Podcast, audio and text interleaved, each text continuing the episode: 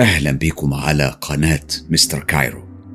إدمان الرعب مؤشر حقيقي على إنك أو إنك شخصية جريئة بتحبوا المغامرة والإثارة وعندكم شغف بالغموض وأكيد مقدام وشجاع والأهم لازم هتكونوا من متابعي مستر كايرو. يا ترى جاهزين لرحلة في عالم مرعب ومثير ومخيف لكنه ممتع؟ طب يلا إيه؟ يلا بينا. أول تجارب حلقة الليلة من إعادة صياغة فاطمة الزهراء نجمة الجزائر وطبعا صاحب القصة ميم. وبيحكي لنا الحقيقة عدد من التجارب اللي سمعها أو مر بيها بعض من أصدقائه وأقربه. مين بيقول الواقعة دي حصلت من كام سنة لواحدة عجوزة كانت مريضة. اتصل عليها ابنها المغترب علشان يطمن عليها وهي طلبت منه إنه يجي علشان تشوفه لأنه كان وحشها قوي. هو طبعا قدم طلب أجازة وراح حجز وجهز نفسه للسفر بس للأسف أول ما حجز توفاها الله سبحانه وتعالى. هم أخروا الدفن اليوم كامل علشان يلحق يشوفها ويدفنها. لكن الرحلة اتأخرت فقرروا إنهم يدفنوها لأن إكرام الميت دفنه. المهم أول ما وصل راح علشان يزور قبرها فرمى نفسه عليه وعيط عياط شديد جدا. وبعدين إخواته أخدوه على البيت علشان يرتاح. بالليل لما نام حلم بيها وهي بتنده عليه كانت بتقول له وحيد يا وحيد تعالى فكني. هو لاحظ إن بقها مقفول بس مع ذلك صوتها كان واضح. قام مفزوع من النوم واستغفر ربنا ورجع نام تاني. أول ما صحى الصبح راح يزور قبرها مرة تانية ورجع على البيت لكن بالليل شاف نفس الحلم مرة تانية. وفي اليوم الثالث حصل معاه نفس الشيء لكنه انتبه إن بق أمه مقفول بخيط. هنا قرر وحيد إنه يروح لإمام المسجد ويستفسر ويفهم هو إيه اللي بيحصل. إمام المسجد قال له اسأل أهلك يمكن هي عليها دين أو عندها وصية ولا حاجة. طبعا وحيد ما كدبش خبر راح سأل كل العيلة لكن ما كانش فيه أي حاجة من اللي قال عليهم الإمام. هنا قرر إنه يفتح القبر. خصوصا لما حلم بنفس الحلم كمان مرة وأول ما صحى على الصبح توجه للدرك الوطني. طلب منهم تصريح بفتح القبر لأنه حاسس إن في حاجة مش طبيعية. هم طبعا بدورهم أخدوا التصريح من وكيل النيابة وراح مع رجال الشرطة وإمام المسجد وكام واحد معاهم. وقتها استخرجوا الجثة وأخدوها على المشرحة. أول ما شالوا الكفن من على وشها كانت الصدمة إن بقها كان فعلا مقفول بخيط غليظ ولما قصوه وفتحوه لقوا جواه مجموعة صور بنات وشباب وحتى أطفال وكان مكتوب عليها طلاسم. طبعا هم نظفوها ورجعوا دفنوها تاني. لما حققوا بالموضوع عرفوا إن المغسلة هي السبب في العملة دي واعترفت إنها ياما عملت اسحار في أكفان أو بق الجثث اللي غسلتهم.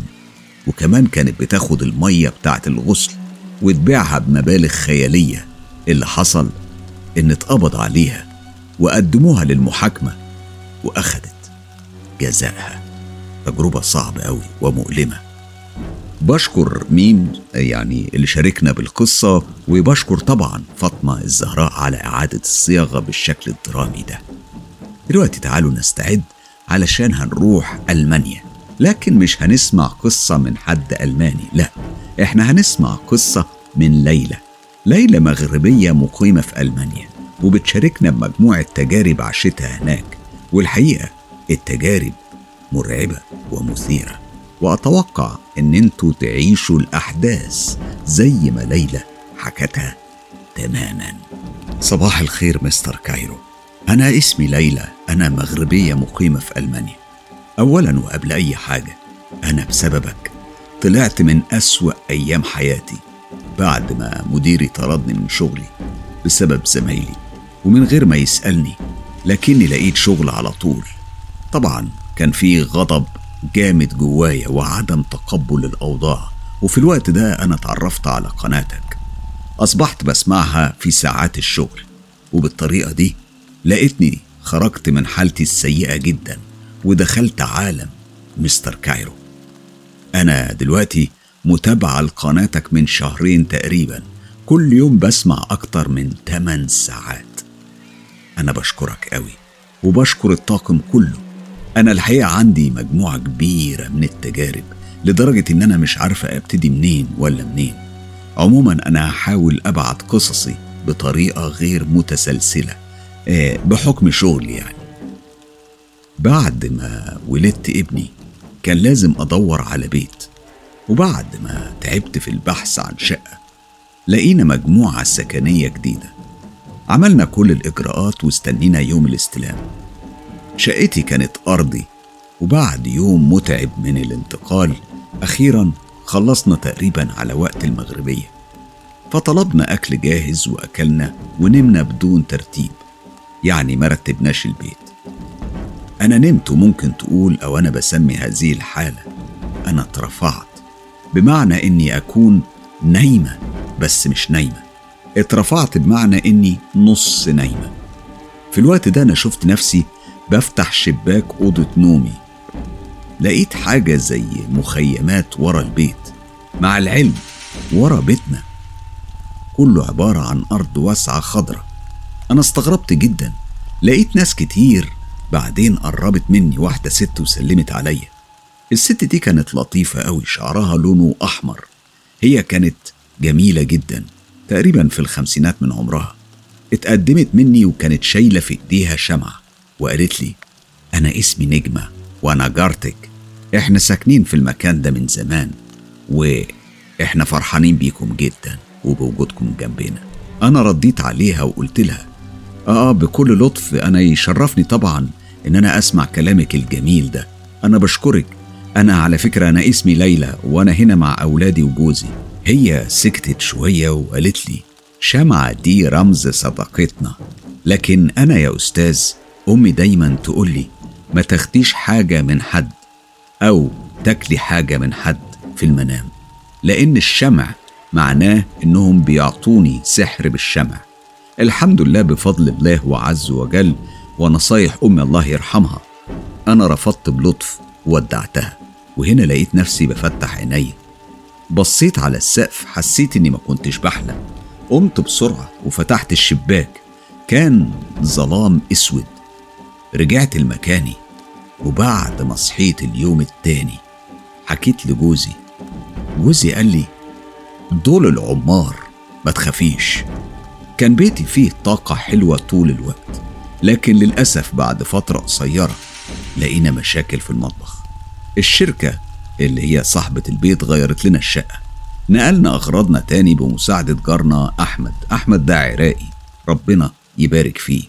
إحنا يوميها تعبنا كتير. جهزت الأكل وحطيته لجوزي وطبعا كان معاه صديقه العراقي وأولادي. أما أنا أنا كنت عاوزة بس أتشال وأنام من كتر التعب.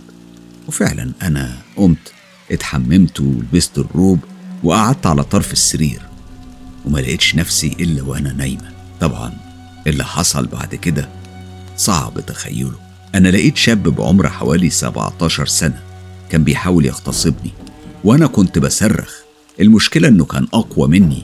كان ماسكني بقوة من إيديا وأنا بدور راسي بسرعة شمال ويمين وكان عندي إحساس إن الشاب ده من الجن. كنت بقول له اتقي الله أنا متجوزة وده حرام. بعدها قعدت أكبر وأكبر وأكبر لحد ما صحيت. لما صحيت الألم اللي كان على معصم إيديا كان ألم موجع فعلا. شديد. فناديت على جوزي اللي جالي بيجري. حكيت له أنا شفت إيه؟ لقيته بيقول لي دول عمار البيت. وشكلهم مؤذيين. قوم البسي وتعالي. على فكرة أنا وجوزي بنفهم في العالم ده. ما بنخافش لأننا متحزمين بحبل الله. وفعلا أنا اتوضيت ولبست ونمت جنب جوزي. غمضت عينيا وجوزي حاطط إيده على راسي. وابتدى يقرأ دقايق ولقيتني نمت. في الوقت ده أنا شفت تلات رجالة عمرهم ما بين 30 أو 40 سنة وشكلهم أجانب يعني ألمان بحكم إن إحنا في ألمانيا. جه واحد منهم متقدم وقف قدامي وقال لي إحنا بنعتذر على أفعال أخونا الصغير هو طايش. نوعدكم إن اللي حصل ده مش هيتكرر تاني في حياتكم. إحنا ما بنأذيش حد ظلم ابدا. ابتسمت وقلت له وأنا بقبل اعتذاركم. على فكرة إحنا يعني اللي حصل لي ده كان صعب قوي بس شكرا على يعني إن أنتوا وضحتوا لنا الحكاية. ابتسموا التلاتة مع بعض وانصرفوا. أنا فتحت عينيا لقيت جوزي لسه بيقرأ. أنا مسكت إيديه وطمنته. هو ابتسم وقال الحمد لله اللي نجانا منهم. اللي أنا حكيته ده كانوا قصتين من اللي أنا شفته في ألمانيا. أنا طبعا مريت بتجارب كتير. لو بجد مهتم بالقصص والتجارب اللي أنا مريت بيها قول لي بس كملي يا ليلى. على فكرة أنا زوهرية بس ليه طلب. لو تكرمت غير الأسماء لأن في كام قصة كده فيهم أشخاص ممكن يعني ما يحبوش إن أنا أحكي آه القصص دي بأساميهم. وقانون في ألمانيا صعب قوي في المواضيع دي. القصص اللي جاية برضو هتكون عن حاجات حصلت لي مع أشخاص من عمار البيت. أنا بشكرك كتير. ليلى بشكرك على مشاركتنا بكل تجاربك الشخصية اللي مريتي بيها. وأكيد يعني يسعدنا إن إحنا نستقبل كل قصصك وكل تجاربك وكل المسائل اللي مريتي بيها. كل دي تجارب حياتية بتبقى مفيدة بالنسبة لمتابعينا. يا ترى بقى جاهزين للقصة الرئيسية لحلقة الليلة؟ حكايات بسام وقبائل الجان. هنكملها النهارده. لكن اسمحوا لي بالنسبة للناس اللي بتسمع حكايات بسام لأول مرة أعرفهم هي إيه الحكاية. بسام الخوري هو لبناني صديق غالي مقيم في السويد ومن خلال إقامته هناك يعني بيستعيد معنا ذكريات طفولته في لبنان وشبابه وبيحكي على التجارب اللي مر بيها. الحقيقة من خلال تجارب بسام اللي تعتبر تجارب غريبة لحد كبير. كل اللي سمعوا حكايات صيان أو السمرية أو سيدة القواميس هيبقى بالنسبة لهم اللي بسام بيحكي عنه شيء مألوف وشيء هم متعودين عليه.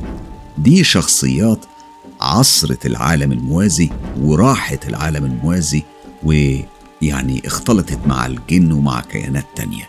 ومن خلال مخالطتهم ليهم راجع لنا بتفاصيل صعب جدا وقلما يعرفها بشر ومنها قصص بسام.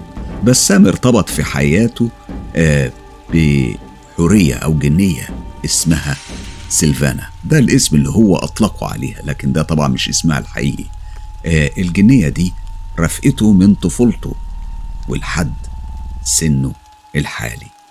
آه هنكمل مع بعض النهارده حكاياتنا وحكايات بسام مش شرط تسمعها من الأول يعني ممكن تسمع من أي مكان وتعيش الأحداث اللي بيحكيها لأن كل تجربة بتكون شبه منفصلة عن التجارب اللي قبلها. الحلقة اللي فاتت كنا توقفنا لما بسام سيلفانا دعته علشان يقابل والدها الملك. سيلفانا هي أميرة من أمراء الجن ووالدها ملك من ملوك الجن. وكان طلبوا من بسام إن هو يحضر اجتماع خاص مع الملك والملكة وسيلفانا. والحقيقة الحلقة اللي فاتت كان فيها تفاصيل كتير عن الاستعداد للقاء ده. في الحلقة دي بسام بالفعل هيدخل عالم الجن وهيكمل لنا الحكاية من هناك وهيقول لنا هو شاف إيه وعاش إيه في الفترة دي من حياته. تعالوا نكمل مع بعض. بسام بيقول أنا لما شفتها جاهزة مدت إيديها مسكتني من إيديا وخرجنا من الجناح الخاص بيها. اتمشينا في اتجاه القاعة كانت بتقول لي آخر التعليمات. أنا كنت حاسس نفسي كأني عملت ذنب عظيم ورايح أتحاسب. وأكيد وإحنا بنتمشى يعني والحراس منتشرين على الصفين في كل مكان لحد ما وصلنا القاعة. كان في اتنين من الحراس هما نفسهم من الحراس الخاصين للملك الأبيض. فتحوا الباب وكان في اتنين ورا الباب. واحد منهم ضرب الرمح بتاعه في الأرض وقال بصوت عالي الأميرة سيلفانا وصاحب ال عفوا. من غير ذكر الباقي. خلينا نقول صاحب العيد مثلا. كملنا تقدمنا وأنا بطرف عينيا بشوف حشد من الموجودين. القاعة كانت مليانة والكل بيبص عليا وكأني مخلوق عجيب. لحد ما وصلنا لحراس اتنين غيرهم. مشيوا جنبنا واحد على جهة اليمين والتاني على جهة الشمال. لحد ما وصلنا لقدام العرش الموجود عليه الملك الأبيض والملكة وجنب منهم الأمير محظوظ من على يمين الملك والأمير طارق عن جهة الشمال من جلالة الملكة. وهم قاعدين في الأماكن المخصصة ليهم. وأنا وسلفانا جنب بعض زي المرة اللي فاتت مقابل عرش الملك وظهرنا للحشود. كان في على الجنبين مقاعد فيها شخصيات مهمة واللي عرفته من سيلفانا إنهم هيكونوا موجودين من ملوك تابعين للملك وأيضا كان في سبع شخصيات مش ملوك ولا أمراء ولكن باين عليهم الوقار والهيبة. طبعا لبسهم واللبس اللي هم لابسينه كان غير كليا عن كل الحاضرين كان قريب لزي القضاة في عالمنا وكل واحد منهم عنده علامة مميزة يعني بشكل قلادة على صدره. وقف الملك وقال في اليوم المميز ده والموافق الثالث يوم من اكتمال القمر والموافق من اكتمال المرحلة الأولى في انتهاء سن الخمستاشر وبعد دقايق في تمام منتصف الليل بدء المرحلة التانية من حياة. وذكر اسم أو لقب أنا كنت أول مرة بسمعه. وهو بيبص عليا كان وقع اللقب كالصعق وطبعا تأثيره عليا كان رهيب. هو كمل وقال وبما إني الموكل لتسليم الأمانة لصاحبها فسوف أتمم ما وكل لي أمامكم وعلى مسامعكم. وبص عليا يعني تقدم باتجاهي وده كانت سيلفانا فهمتهولي قبل كده. وفي الوقت نفسه قامت جلالة الملكة ودارت بجسمها. باتجاه الملك وكانت شايلة بين إيديها الصندوق نفسه اللي كان عليه نفس النقش اللي موجود على ملابسي. أنا كنت بتقدم وبقول بنفسي إيه عيد الميلاد ده؟ أنا كنت فاكر إنه هيكون قالب جاتوه بالشوكولاتة وشموع ونطفي الشمع وناكل وبعدين أرجع البيت. لكن كل اللي كنت رسمته بمخيولتي كان بعيد كل البعد عن الواقع اللي أنا فيه. رجعت للواقع الموجود فيه لما سمعت صوت الملك بيقول لي قرب كمان علشان أسلمك الأمانة وترجع لأصحابها اللي هو أنت يا. وأعاد ذكر اللقب مرة تانية لحد ما أصبحت المسافة ما بيننا حوالي النص متر. هنا فتحت الملكة الصندوق وأنا بصيت بطرف عينيا علشان أشوف فيه إيه. شفت أربع حاجات. الملك مد إيديه جوه الصندوق وطلع خاتم عليه جوهرة. لونها كان مميز. أنا مش هقدر أوصفه لك لأنه كان بيتبدل ويتموج. وعلى الخاتم نفس الختم. قرب الخاتم وبص لإيديا اليمين. فعرفت إني لازم أرفع إيديا وأفرد صوابعي. وعملت كده. الخاتم كان كبير وأنا ببص له. كان كل ما يقرب من صباعي كان بينكمش يعني بيصغر لحد ما وضعه في صباعي وأصبح على مقاسي بالظبط. ولما دخل الخاتم صباعي حسيت كأنه بيغلي أو بيركض بعروقي وكأن طاقة دخلت جسمي. وبعدها مد الملك إيديه في الصندوق مرة تانية وشال منه قلادة بسلسلة من الذهب وكمان القلادة عليها نفس النقش. فحمل السلسلة بإيديه وأنا وطيت راسي ووضعتها يعني على رقبتي. لما لمست القلادة صدري أنا حسيت بحرارة وكأن بركان بيغلي جوايا. حاولت أسيطر على دقات قلبي اللي كانت بدأت بالتزايد بسرعة غريبة. ولكن افتكرت كلام سيلفانا فغمضت عينيا وخليت كل تركيزي على النقش. وهنا رجع التوازن لخفقان قلبي وفتحت عينيا. وهنا شفت جلالة الملك بيبصلي وبيبتسم ومد إيديه في الصندوق والمرة دي كان تاج مرصع بجواهر من نفس صنف الجوهرة اللي على الخاتم وكأن النقش موجود مكان في النص الأمامي وكمان واحد من كل جهة. رفع التاج بإيديه ووضعه على راسي. هنا أنا حسيت كأن مليون صعقة ضربت جسمي. وحسيت كأن عينيا بتطلع نار ولكني ما كنتش حاسس بألم ولا بأي شيء آخر. لكنها طاقة جبارة كانت بتمشي في جسمي وعروقي. بعد ثواني رجع كل شيء طبيعي وهنا المرة الأخيرة طلع من الصندوق زي لوحة من ذهب عليها نقوش ورسومات ووضعها بين إيديا. فلما بصيت للنقوش والرموز حسيت كأني عارف معناها وبقدر أقراها. بصيت لجلالة الملك. ودلوقتي؟ ودلوقتي إرثك رجعلك باقي عليك تكمل المرحلة التانية وبكده يكون الوعد تم. فقدمت لي جلالة الملكة الصندوق. انحنيت لجلالة الملك وجلالة الملكة ورجعت لمكاني وقعدت. وكأني شايل على كتافي أكبر جبل في العالم. وذهول وأفكار بلا نهاية. لما فقت من غيبوبتي فقت على صوت سيلفانا. بسام مبروك. مبروك يا بسام. إحنا كده. خلاص انتهينا من المرحلة الصعبة. الباقي هيبقى سهل. أنا قلت كمان أنا مش قادر. ارحموني. بص الملك ليا وقال لي ده إرثك اللي هتلبسه. لكن الإرث الأعظم لما تكتمل المرحلة التانية. وحسمها هيكون كلمة واحدة بس. سيلفانا هتفسر لك الباقي. ودلوقتي بإمكانك الاستمتاع بذكرى ميلادك وسمو الأميرة هتكون معاك. قلت طيب أنا ممكن أطلب من جلالتك طلب؟ هو قال لي اتفضل. أنا قلت له ممكن تخلي الحاجات دي عندك وتحتفظ بيها زي قبل كده؟ رد عليا رد كان غريب. قال لي ده كان حمل ونزاح. الباقي عليك انت ياه ونفس اللقب. أنا اعتذرت وطلبت السماح بالمغادرة. فرد عليا يمكنك الانصراف. أنا هشرح ظروفك للجميع. فبص لسلفانا يعني يلا انصرف. فانصرفنا أو اتجهنا لغرفة سلفانا. أنا لما دخلت رميت نفسي على السرير. وقلت هو كل اللي حصل ده كان حقيقة ولا خيال طمنيني؟ لأني شوية كده وهتجنن. سلفانا قالت لي بص اتمدد وارتاح. بطل تفكير دلوقتي. اسمع أنا هسيبك شوية. أنا قلت لها لا أنا لازم أغير ملابسي. فتحت الصندوق ووضعت فيه كل الأشياء من الخاتم للوحة.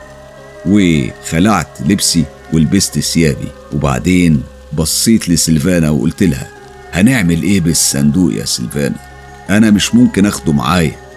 هي قالت لي أنا عندي فكرة أنا هعلمك حاجة احفظ الجملة دي. وقالتها أنا حفظت الجملة. وهنا قالت بص أنا هخرج وأنت قول الجملة دي وبعدها هيفتح حاجة زي دولاب أو خزينة بعدها حط الصندوق فيها وحط إيديك على الدولاب وقول الجملة مرة تانية وفكر برمز أو رقم سري محدش يعرفه حتى أنا وإياك. إياك تشيل إيديك من على الصندوق لحد ما تقول الجملة دي. الرمز بتاعك كمان. بعد ما تخلص شيل إيديك. وهنا هيكون الصندوق في أمان. أنت الوحيد اللي يقدر يطلبه. فخرجت وأنا عملت اللي قالته. وبعدين ندهت لها وقلت لها إن أنا تعبان وعايز أنام. سيلفانا قالت لي زي ما أنت.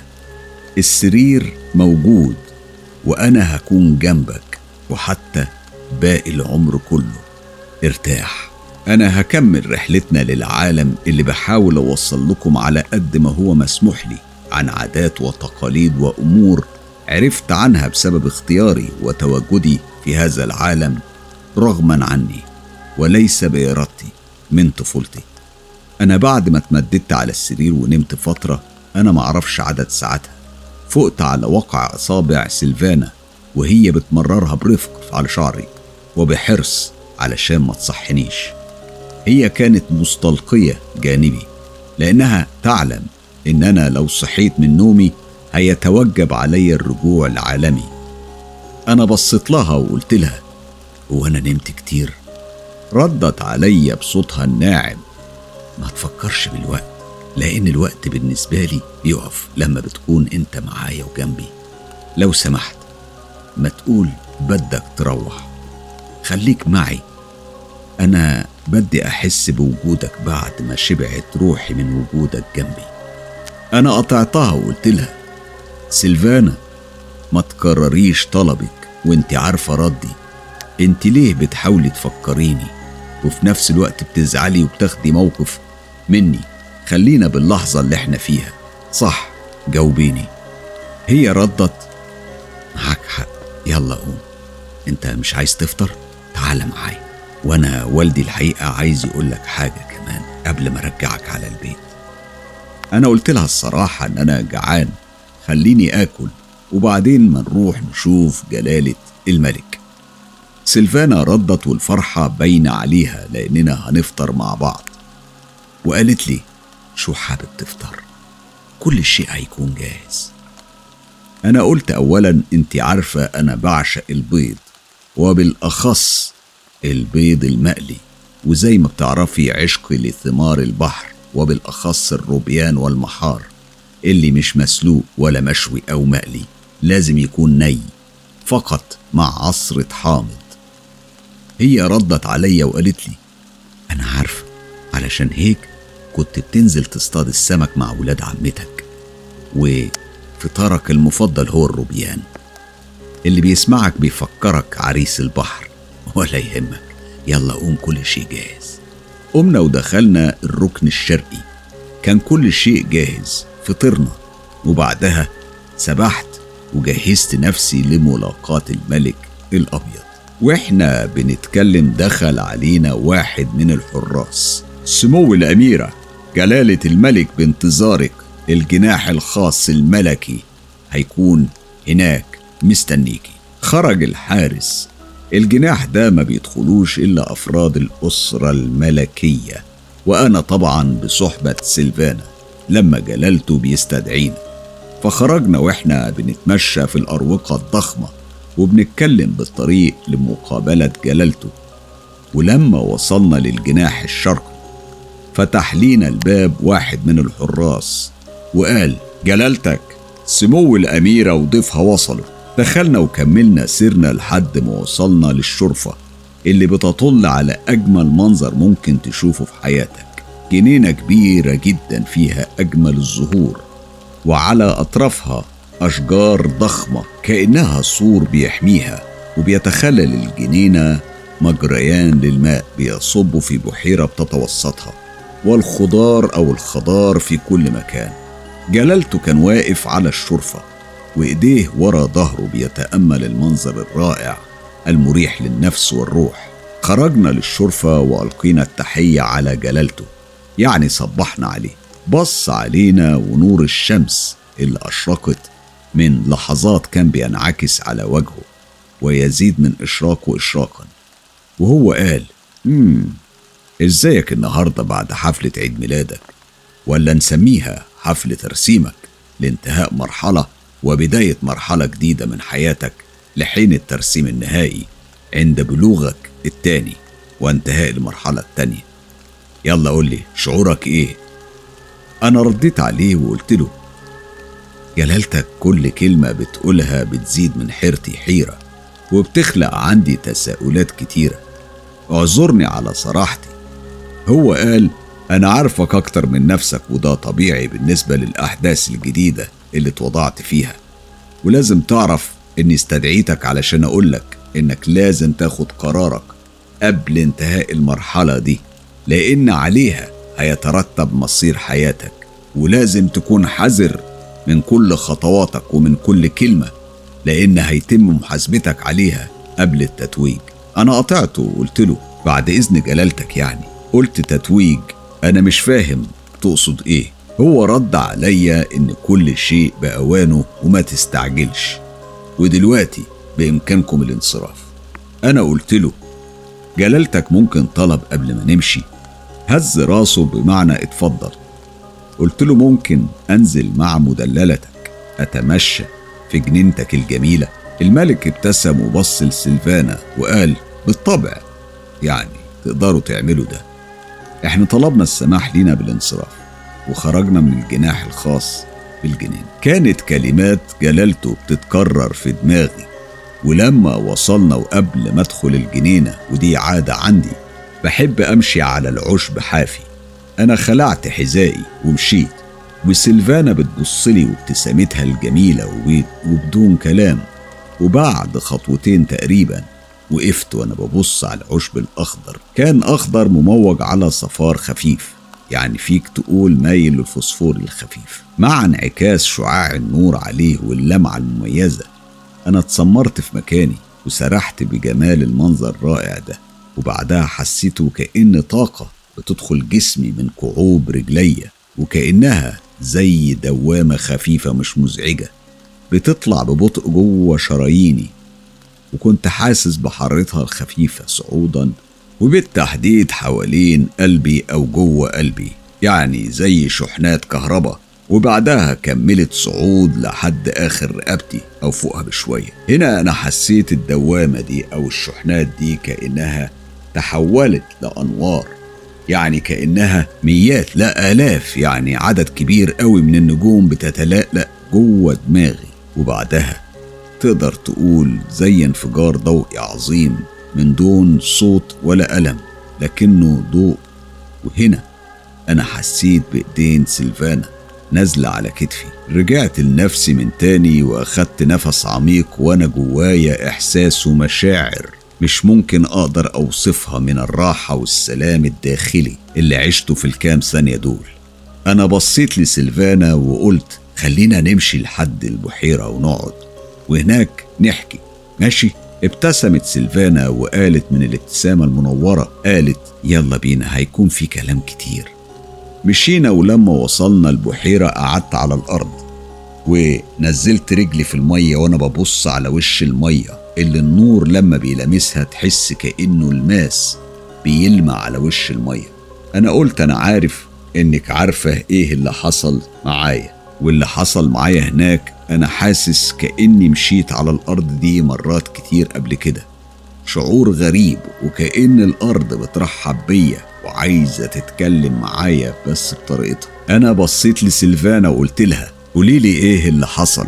قعدت جنبي وقالت بص فيك تسميها زي ما قلت نوع من الترحيب أو تواصل روحك مع أرواح أسلافك أو يعني بكلامكم أجداد أجدادك.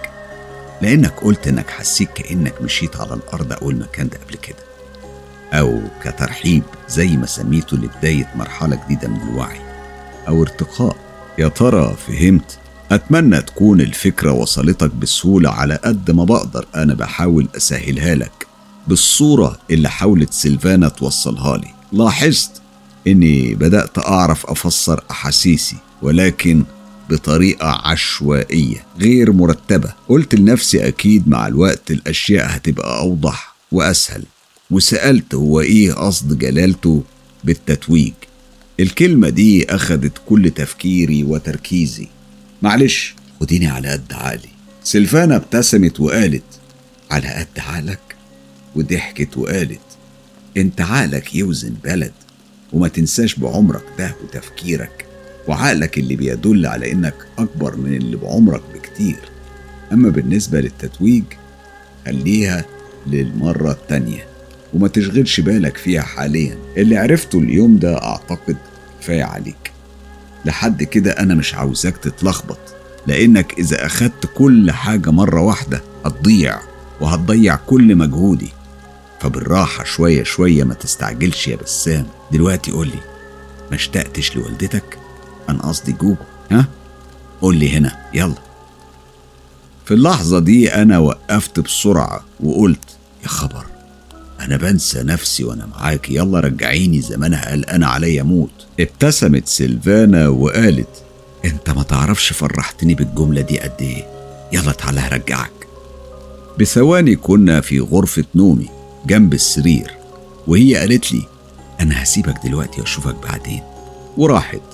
سابتني في حيرة أكبر من الحيرة اللي كنت فيها وانقطع تفكيري لما سمعت صوت أمي وهي بالمطبخ بتعمل قهوة.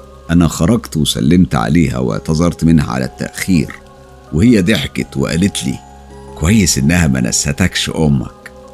بلشنا نضحك وضمتها وقبلت راسها. يا غالية أنسى الدنيا كلها ومش ممكن أنساكي. يلا نشرب قهوتنا. من وقت ما كتبت لك عن حفلة ميلادي. مش هنا هناك عندهم وأنا بحاول أكمل لك إيه اللي حصل وإيه اللي ما قدرتش أكتبه. وفي كل مرة وأنا بحاول بتحصل حاجات بتمنعني من الكتابة. مثلا اتصال من زوجتي أو رسالة من أختي أو اتصال من خالتي. كل ده علشان معرفش أكتب لك اللي هكتبه لك دلوقتي لحد اليوم الفجر. وأتمنى أقدر أكمل الكتابة. حضرتك فاكر لما ذكرت إن في الحفلة إياها كان في وجود لملوك وأيضا سبع شخصيات وأنا قلت إن ملابسهم زي ملابس القضاة. دول كانوا الحكماء السبعة وهم اللي باركوا عملية الترسيم. ومن بعدها لما الحضور انصرفوا وبقينا أنا وسيلفانا والملك والملكة والحكماء السبعة توجهوا ليا بالكلام. أقصد يعني واحد منهم. اتكلم باسمهم وقال اسمع يا جالب السلام وحامله. ده هو واحد من ألقابي هناك. هو كمل وقال عندك تساؤلات كتيرة وأفكار كتيرة. إحنا مش عايزينك تتشتت. اسمع كويس ليه أنت بالذات. تم اختيارك واختيار أسلافك. زي العادات عندكم. بيتم تناقل الإرث من الأب لابنه أو الجد لحفيده صح؟ أنا هزيت راسي بالموافقة من كلام كلام. كمل. ولكن بسلالتك مش كده خالص. بيتم التوارث كل ثلاث جدود وليس ثلاث أجيال. يعني الجد الأب الحفيد. وبعدها الجد والأب والحفيد. وأخيرا الجد والأب للحفيد المنتظر. يعني ثلاث جدود من بين الأحفاد للجيل الثالث. فيه واحد بس من بين الأحفاد دول بيكون عنده الصفات اللي هقولك عنها. ألا وهي علامة مميزة عند الولادة. ممكن تكون موجودة عند الكتف الشمال من الخلف أو من الأمام عند الصدر. أو علامة تانية بتكون موجودة بأعلى الفخذ الشمال من الخلف أسفل الظهر. أما العلامة التالتة بتكون بمكان مخفي لازم تتواجد في جسمه واحدة من العلامات دول تدل على إنه الوريث. لذلك يتم التعامل مع المولود بإنه الوريث الشرعي وعليه أن يكمل الدورة دي حتى يتم تسليمها للوريث القادم. لكن بحالتك أنت وده ولأول مرة بيحصل إن يكون وريث بيحمل الثلاث علامات معا وبجسد واحد. وده السبب إن بيتم التعامل معاك بطريقة خاصة. أنت لازم تقدر وتفهم الكلام اللي بيتقال دلوقتي وبانتظار انتهاء الدورة التانية للبلوغ التاني. وقبل ده لازم وواجب عليك تقبل بالزواج من أحد الأميرات والإنجاب منها. لضمان وجود الوريث المتوج ونقاء الدم.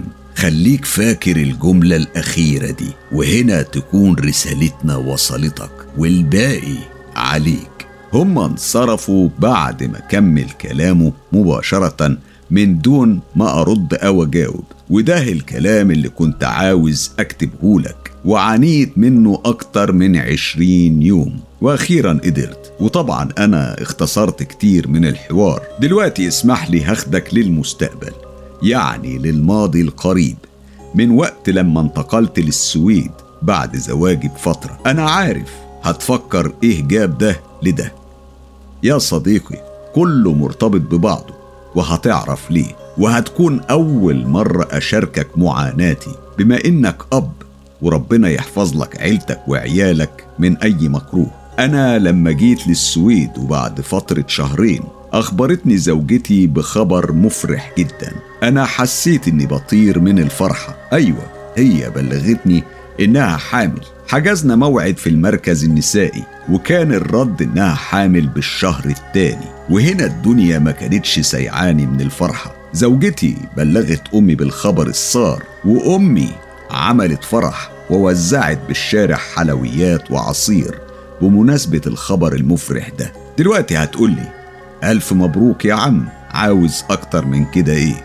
هقولك أصبر يا فرحة ما تمتش لأن قبل انتهاء الشهر الثاني من الحمل أصيبت زوجتي بألم حاد بالبطن ومغص قوي نقلتها للمركز النسائي بحالة طارئة وهناك كانت الصدمة. زوجتي أول ما جلست على سرير الكشف وفتحت رجليها أسقطت الجنين. وبعد ما عملوا اللازم من أشعة وخلافه اكتشفوا إن في جنين تاني يعني كانت حامل بتوأم. فلما خرجنا ووصلنا للبيت قلت لها مش عايزك تعملي أي حاجة اتمددي وريحي وبس وأنا هكون تحت أمرك. خلص النهار وكل شيء تمام وجه الليل وبحدود الساعة عشرة مساء. حست مراتي بنفس الشيء الوجع في البطن والمغص القوي وهي متمددة على السرير أسقطت الجنين التاني. أنا بسرعة خابرت الإسعاف وجم بعد دقايق. عملوا اللازم لكن كنت فقدت كل شيء. أصيبت زوجتي بحالة نفسية صعبة جدا. حاولت أطمنها إن إحنا هنحاول تاني لكن كل محاولاتنا كانت فاشلة. طبعا هتقولي فين سيلفانا من كل ده؟ هقولك سيلفانا كانت نبهتني مرارا وتكرارا وده رسالة من الحكماء. قوة العلامات التلاتة الموجودين على جسمي وطاقتها العالية مفيش رحم بشري بيتحمل الطاقة دي. علشان كده إذا بتفتكر رسالة الحكماء كانت لازم يتم الزواج والإنجاب من أميرة من العالم الآخر. دلوقتي الصورة أصبحت واضحة أعتقد. طبعا سيلفانا قالت لي إن محبتي لزوجتي وحبها وتمسكها بالحياة ووجودي ودعمها ليها أنا بحمد ربنا على كل شيء. أنا بكده أكون شاركتك بكل آلامي وأوجاعي وأحزاني. وفي النهاية بشكر الخالق العظيم خالق السماوات والأرض وخالق هذا الكون العظيم. بشكره على كل شيء. وهسيبك دلوقتي لأني مش هقدر أكتب أي شيء. سلامي يا صديقي الغالي. بسام أنا طبعا مقدر جدا مشاعرك ومقدر قد إيه وجعكم. تحياتي ليك وللبطلة زوجتك. حقيقي أنتم ناس الواحد يفتخر بمعرفتهم بكل النقاء اللي جواكم وبكل المحبة اللي جواكم وبكل تقبلكم لإرادة ربنا سبحانه وتعالى. ربنا يا رب يفرح قلوبكم. بكل تأكيد هسيبك آه ومش هطلب منك تكمل أي تفاصيل لحد ما يحين الميعاد وتكون جاهز وقادر إنك تحكي وتتكلم. دلوقتي هنقل على فصل كنت حكيتهولي من فترة وموقف وتجربة كنت مريت بيها وهكمل بيها حكايتك الليلة. بشكرك كتير بسام. أخويا حسام. أنا اختصرت على قد ما بقدر لأن في مصطلحات مش لازم تتذكر لأن كل كلمة بكتبها لك لها يعني توابع هنا وهناك.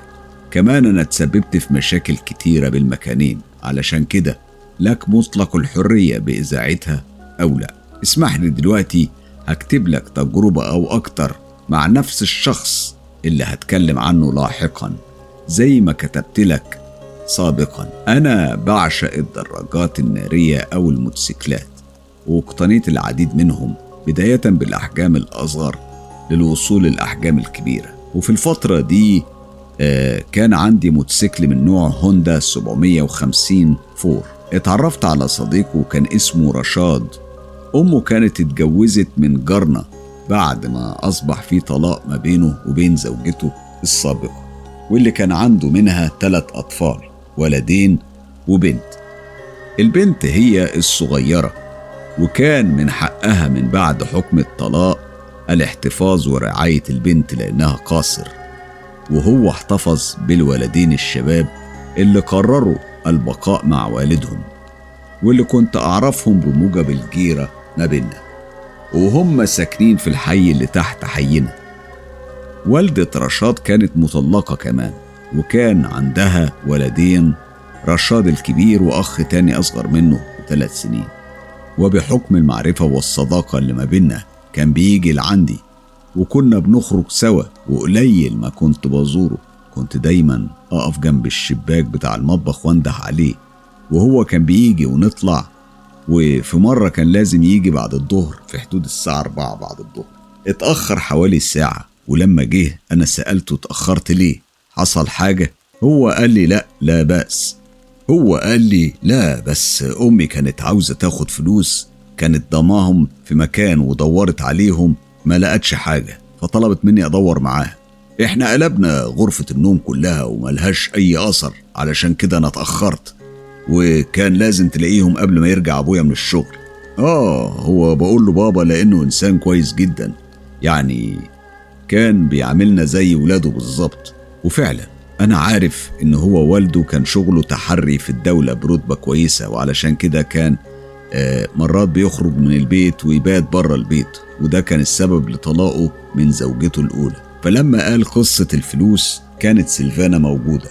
وقبل ما أنسى أنا ما كنت دخلت بيتهم إلا مرتين بالكتير من المدخل للصالون للبلكونة ومرة واحدة دخلت المطبخ علشان أشرب مية. همست لي سيلفانا خليه يروح البيت ويقول له أمه تدور في خزانة الملابس. الدولاب يعني في الضرفة الوسطانية على الرف التاني من فوق. وتدور تحت الشراشف المزهرة وهتلاقي الفلوس هناك. أنا كنت بنقل الكلام ليه وبوصف له المشهد الخزانة والشراشف ولونها ومكانها. وقلت انزل البيت وقول لأمك تدور في المكان ده وهتلاقيهم هناك. هو بصلي وتعابير الدهشة مرسومة على وشه. وقال بسام أنا متأكد إن أنت ما دخلتش أوضة النوم وبالأخص أوضة نوم أمي. قول لي أنت جبت المعلومات دي منين وبالتفاصيل دي كلها. أنا قلت له سيبك من الكلام ده وروح قول لأمك اللي قلته لك وتعالى بعدين نبقى نروح المشوار بتاعنا. يلا مش عايزين نتأخر. هو سابني ونزل ركض للبيت وقال لأمه تعالي معاي. ودخلوا غرفة النوم وقال ماما افتحي الضرفة الوسطانية دي. ردت وقالت رشاد مالك إحنا دورنا في كل حتة في الخزنة. هو قال طوعيني المرة دي. ردت طيب هنشوف آخرتها إيه معاك. وفتحت الدولاب وقال دوري تحت الشراشف دي اللي عليها زهور هي مدت إيديها وهي بتقول أما نشوف آخرتها إيه. وفجأة اتسمرت وبصت ناحية رشاد. وإيديها لسه تحت الشراشف وقالت بس إحنا دورنا هنا قبل كده وما كانش فيه حاجة صح ولا أنا بيتهيألي؟ هو قال خضتيني في إيه؟ شالت إيديها وكادسة من الفلوس اللي كانت بتدور عليها وقالت وهي بتعدهم لا دول كاملين زي ما حطيتهم. والله أنا متأكدة إني دورت هنا قبل كده وما كنتش لاقي حاجة أنت كنت معايا مش كده؟ هو قال خلاص خلاص المهم لقيتيهم. يلا أنا رايح لعند بسام لأنه مستنيني. قالت لي تعالى هنا. قول لي بقى أنت عرفت مكان الفلوس دي إزاي؟ قلت لها هرد عليكي بعد ما أرجع. طبعا هي ردت لا مفيش طلوع من البيت قبل ما تحكي لي. هو رد عليها بكرة هجيب بسام وهخليه هو يفسر لك. بسام صحيح أنت عرفت إزاي؟ أنا قلت خمنت يا حبيبي ارتحت. ودي كانت مرة من المرات وزيها في كتير. يعني مثال خلينا نكمل بس المرة دي هتكون مع والد رشاد وغير التجربة اللي قبلها خالص. فبعد عدة أسابيع وكان يوم سبت وقبل الظهر أنا كنت على الموتوسيكل في الحي التحتاني الشارع اللي فيه بيت رشاد. خليني أوصف لك الشارع. ده شارع خاص في آخره العمارة باتجاه الغرب. الشقة اللي ساكن فيها رشاد وجهة الشرق بيت خالي جورج. الشارع طويل وعمارات على الجهتين على طول الشارع وقبل الوصول لنهاية الشارع بحوالي 150 متر. بتصبح الطريق مرتفعة كأنك صاعد على هضبة وفي نهاية الشارع بتوصل لمفترق طرق على اليمين صعودا باتجاه المناطق المرتفعة وعلى اليسار نزولا باتجاه الخط الساحلي القريب للبحر. في الشارع ده السرعة القصوى 30 كيلو متر في الساعة لأنه شارع سكني وغير نافذ بنهايته. أنا آسف لطول الشرح بس لازم أوضح لكم الصورة لأنكم هتحتاجوها بعدين. قبل ما أنسى أنا كنت ذكرت إن أم رشاد كانت شايلة الفلوس في البيت مش بس وهي كلنا يعني كنا بنعمل كده بسبب ظروف الحرب لأن يمكن على غفلة بتجبر تسيب بيتك وتاخد عيالك لملجأ أو لمنطقة آمنة ويعني يكون ما فيهاش قصف. كالعادة دايما أنا بخرج عن سياق القصة لأن في حاجات بكون نسيت أذكرها وأنا آسف على ده. خلونا نكمل. أنا دايما بوقف الموتوسيكل بتاعي في الشارع التحتاني بين العمارات بسبب قربه لبيتنا وأقرب طريق للنزول للخط البحري السريع. نزلت من البيت ودخلت الدكان واشتريت لي علبة سجاير. ركبت الموتوسيكل ومن غير أي وجهة اتحركت. المهم يعني أطلع أعمل لفة ساعة زمن وأرجع. لما وصلت آه راس الطلعة على راس الشارع سمعت الصوت بيناديني. التفت باتجاه الصوت على جهة الشمال وهنا شفت صاحبي توني على البلكونة هو وأمه وأخته. كان بيلوح لي بإيديه. فأخدت أقصى اليمين ووقفت الموتوسيكل وأنا لسه على الموتوسيكل. كنت بتكلم معاه وبالوقت ده سمعت صوت سيارة جاية من الحي مسرعة. يعني سرعتها تتعدى السبعين. وده يعني إيه، السايق حصل معاه حاجة بتضطروا للسواقة بالسرعة دي. المشكلة إن الرؤية عندك بتكون شبه معدومة. غير إن الطريق عريض حوالي خمس أمتار. لكن أنت ما بتشوفش الطريق الرئيسي أو السيارات اللي نازلة وطالعة. لما بتوصل لراس الطريق واللي كان سايق أيوة أبو رشاد التحري. لما وصل للقمة اتفاجئ وضغط على الفرامل بقوة. وفي اللحظة دي السيارة كانت بتزحف باتجاه اليمين يعني في اتجاهي. تخيل المشهد سيارة مسرعة في اتجاهي وأنا على الموتوسيكل. يعني كانت لو خبطت في أول حاجة رجل اليمين هتكون الإصابة الأولى وهطير والموتوسيكل هيجي عليا وهيكون نص الشمال على الأسفلت. والموتوسيكل وزنه تقيل على عليا فطبعا هيسحلني. يعني النتيجة هتكون احتمالين مفيش تالت الموت أو عاهة مستديمة. هي دي المشاهد اللي كنت بشوفها قدامي والصوت توني من على البلكونة وأمه بيقولوا حاسب حاسب. أنا كنت ببص لأبو رشاد وعينيا في عينيه وشايف الصدمة المرسومة على وشه وقبل ما توصل لي العربية بحوالي نص متر. حسيت بحاجة شالتني من تحت دراعاتي وكأني طاير ونزلت واقف على رجليا قرب من يمين الموتوسيكل. أيوة هي زي ما فكرت حضرتك سيلفانا بسرعة البرق. كانت رفعاني بين إيديها وحطتني على جنب والسيارة كانت مكملة وأبو رشاد بيتابعني بنظراته وضربت السيارة في الموتوسيكل وأصبحوا في نص الطريق. ولحسن الحظ في الوقت ده ما كانش فيه سيارات وإلا كانت أصبحت كارثة. نزل من العربية بسرعة وما بصش لعربيته ولا للموتوسيكل. ده جاني وهو بيتفحص فيا وهو بيقول الحمد لله الحمد لله. جرالك حاجة؟ أنا قلت له لأ. المهم أنت كمان جرالك حاجة؟ هو قال لي بسام أنا شفتك طاير. لأ وكأن حاجة شايلاك وحطتك على جنب. أنا قلت له أبو رشاد أنا نطيت عن الموتوسيكل. حاجة شايلاني إيه بس؟ ده من أثر الصدمة أكيد اتهيالك ده بس حاجة بسيطة من الحاجات اللي بمر بيها. أنا قلت أبو رشاد أنا نطيت عن الموتوسيكل. حاجة شايلاني إيه؟ ده بس من أثر الصدمة. اتهيألك. هو قال لي بص أنا مر عليا كتير وشفت كتير بس مش كده. أنا متأكد من اللي أنا شفته. أنا قلت له طب خلاص خلينا نشيل الموتوسيكل والسيارة من نص الشارع وبعدين نبقى نكمل حكي. وبعدين ليه السرعة دي في في كل حاجة؟ لقيته بيقول لي والله نسيتني شوف. خد الموتوسيكل وقفه تحت البيت عندي في الموقف تبعي. وأنا يوم الاتنين بوديك إياه على التصليح لأني عندي مهمة لازم أروح. ماشي؟ أنا قلت له فداك الموتوسيكل أنت روح لحق الحق شغلك ما يهمك. بس أرجوك توخى الحذر هذه المرة. عدت بسلام وهز راسه وركب العربية ومشي. وأنا عدلت الموتوسيكل وكنت ببص لو كنت أقدر أشغله. ولكن كان الزيت آه كتير من المحرك وكان فيه أضرار كتيرة. وهنا سمعت صوت سيلفانا بتقول لي مش مهم مش مهم المهم إنك بخير وصاحبك جاي هيساعدك. في اللحظة دي أنا بصيت لقيت توني جاي بيجري وبيقول لي أنت بخير وأمه وأخته لسه واقفين في البلكونة بيتابعونا.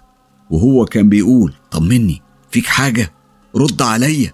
قلت له ما تقلقش أنا بخير. قطعني توني وقال بسام قول لي هو اللي أنا شفته أنا وأمي وأختي حقيقة ولا خيال؟